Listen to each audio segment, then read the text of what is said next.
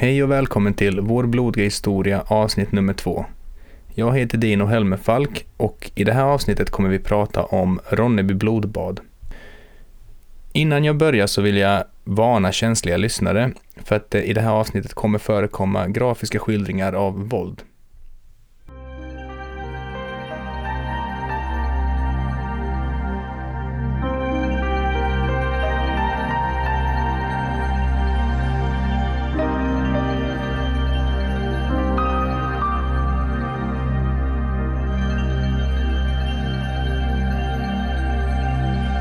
Året är 1564 och kung Erik är på fälttåg med sina trupper.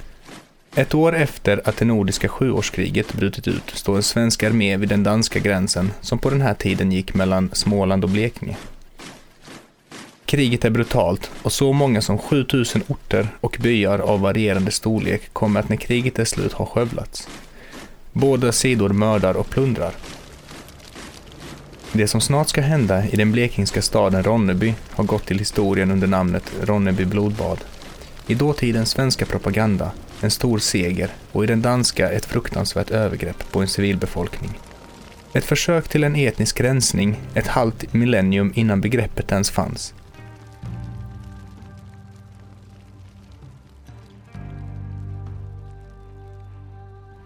Ronneby omges av Ronnebyån på tre sidor. Ån är ett naturligt försvar som skulle vara svårforcerat för en fiende. Den fjärde sidan däremot, som vetter mot öster, är svagt befäst med en hög jordvall och en palissad som i vissa källor snarare beskrivs som ett högt staket.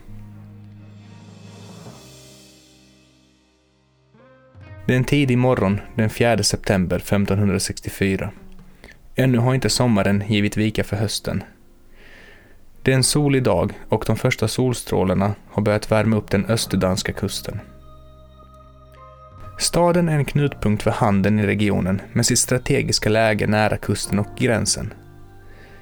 Innanför stadsgränsen trängs hantverkare och olika tjänstemän. Runt om staden breder jordbruk ut sig. Det är en typisk medeltida stad och en ganska stor sådan med sin tidsmått. Dagen innan hade svenska trupper anlänt till Ronneby och gav vid två tillfällen stadens styrande möjlighet att kapitulera. I tron på att den danska här som befann sig i Åhus skulle undsätta staden vägrade staden att ge efter för de svenska kraven att öppna portarna. Man vet att en kapitulation innebär att staden kommer plundras, något som de styrande inte tänkte acceptera.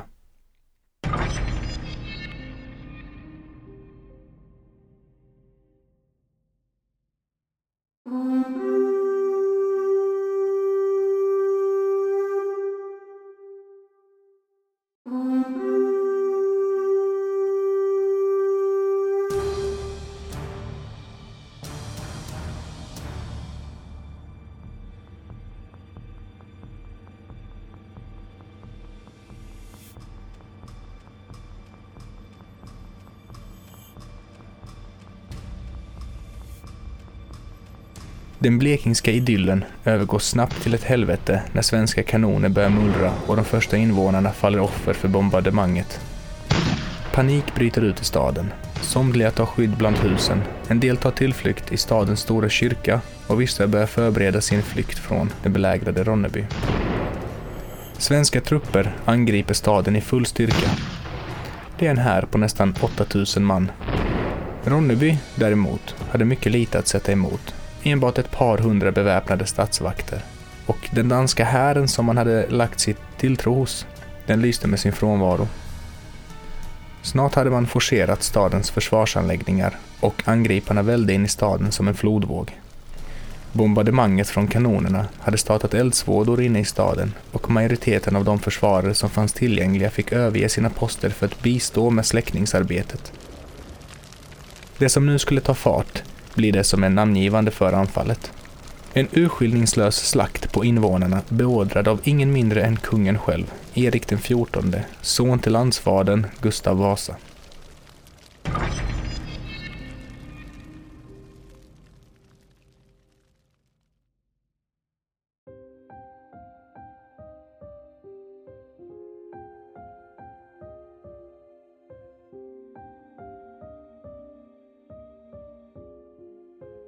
Kung Eriks soldater plundrar allt av värde och slår ihjäl alla som kan tänkas göra motstånd.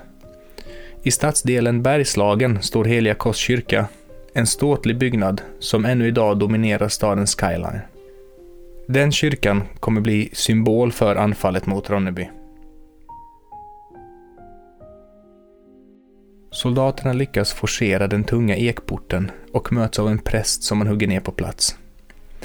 Inne i kyrkan har hela familjer barrikaderat sig med förhoppningar om att soldaterna inte kommer skända Guds hus. Fullständig panik bryter ut. De svenska soldaterna tränger sig in i kyrkan och plundrar den. Till skillnad från resten av Ronneby så sätter soldaterna inte kyrkan i brand, men eh, invånarna som har gömt sig där inne, de huggs ihjäl. De invånare som lyckades fly mördandet inne i staden och ta sig ut genom den södra porten och över andra sidan ån möttes av svenskt rytteri som red ner de flyende. Den gamla ekporten som forcerades den här dagen finns än kvar inne i kyrkan för allmän beskådning och som ett minnesmärke över det makabra som utspelade sig då när kungariket Sverige fortfarande var i sin linda. När den här dagen var slut hade ungefär 2000 människor i Ronneby fått sätta livet till. Rännilar av blod sägs ha flutit mellan kullerstenarna och ån i vattnet färgades röd av de kroppar man kastat i. Det låg döda precis överallt. Dock så har förvånansvärt lite material skrivits om blodbadet. Händelsen passar inte riktigt in i den efterföljande svenska historieskrivningen. Berättelsen om Ronneby blodbad är ju inte en eh, ärofylld militär seger på slagfältet eller en befrielse utan snarare ett brutalt mord av män, kvinnor och barn. Händelsen anses av många historiker vara den mest grymma människoslakten i Norden. Bakgrunden till angreppet är det nordiska sjuårskriget som året innan, 1563, brutit ut. Denna konflikt handlade om herraväldet över Östersjön och Danmarks missnöje över upplösningen av Kalmarunionen ungefär 40 år tidigare. På den ena sidan i konflikten står kung Erik XIV, Fienden är arvsfienden Danmark som allierat sig med Polen och Lübeck. Kung Erik styr över ett nytt rike med en ny armé och flotta. En otestad styrka med mycket att bevisa. I Danmark regerade kung Fredrik vars planer om ett danskt Östersjövälde gjorde ett krig mot Sverige helt oundvikligt.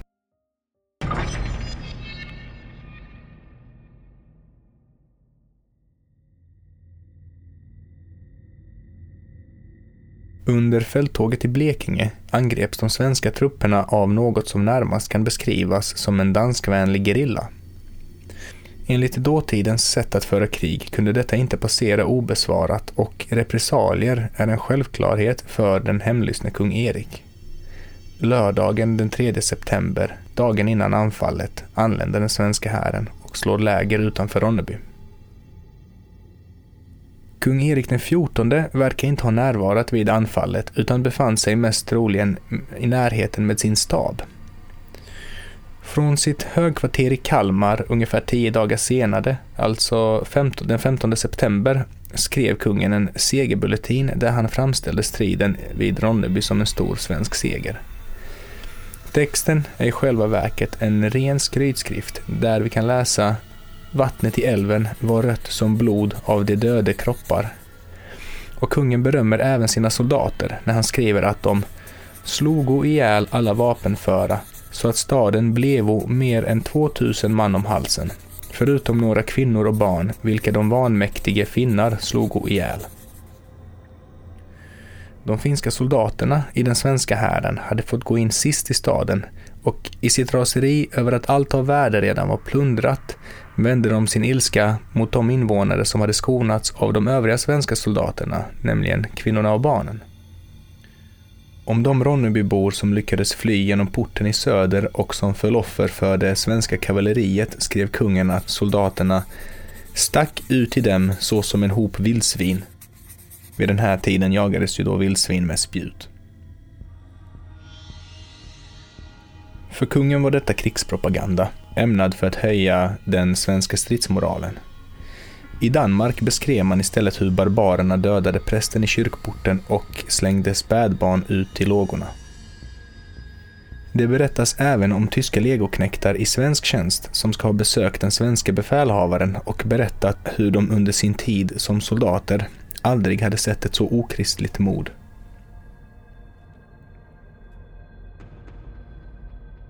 På ett sätt har den svenska historieskrivningen glömt, och då menar jag inom citationstecken, Ronneby blodbad. Om inget annat så har händelsen inte fått någon större utrymme jämförelsevis med exempelvis eh, Stockholms blodbad där ungefär 80 människor miste livet men där förövaren istället var dansk. I debatten har man lyft fram att händelsen inte riktigt passade in i det nationsbygge som inleddes 40 år tidigare under Gustav Vasas regering. Somliga hävdar att kung Erik var en krigsförbrytare och att vi behöver förhålla oss på ett sådant sätt när vi läser om honom och perioden han verkade i. Andra ursäktar kungen genom att framhålla att plundring och mördande hörde till tidens krigsregler och att andra städer också ansattes hårt oavsett vilken armé som drog igenom respektive område. Söderköping brukar jämförelsevis lyftas fram. 1567 blev staden nämligen nedbränd av båda sidor, Först den danska och sedan den svenska under en och samma dag.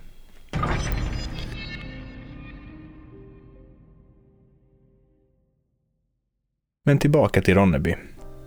Ronneby skulle behöva lång tid för att återhämta sig. Befolkningen växte sakta och man blev av med sina stadsprivilegier när staden blev svensk efter freden med Danmark. När Karlskrona sedan grundades på 1600-talet så tvingade kronan många Ronnebybor att flytta till Karlskrona för att den nya örlogsstaden skulle befolkas. Det fanns även planer på att Karlskrona skulle göras till Sveriges huvudstad.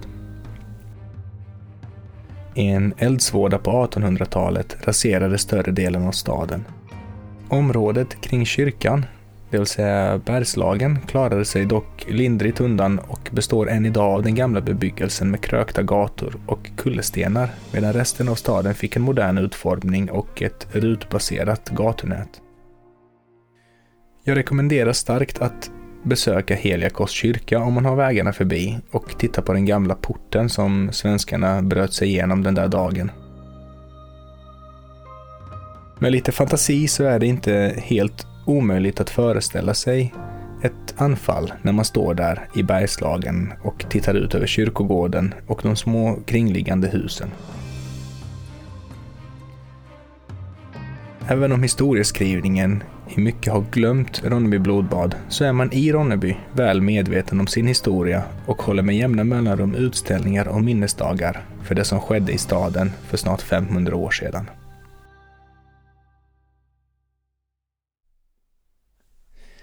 Det var allt jag hade att bjuda på den här gången och i avsnitt tre om två veckor så ska vi prata om digerdöden. Och jag vill gärna påminna om att podcasten nu har en Instagram under namnet Blodig historia och det finns även en Facebook-sida som man hittar lätt om man söker på podcastens namn, Vår blodiga historia. På båda de medierna lägger jag ut lite bilder och texter och material som rör podden och kommande ämnen.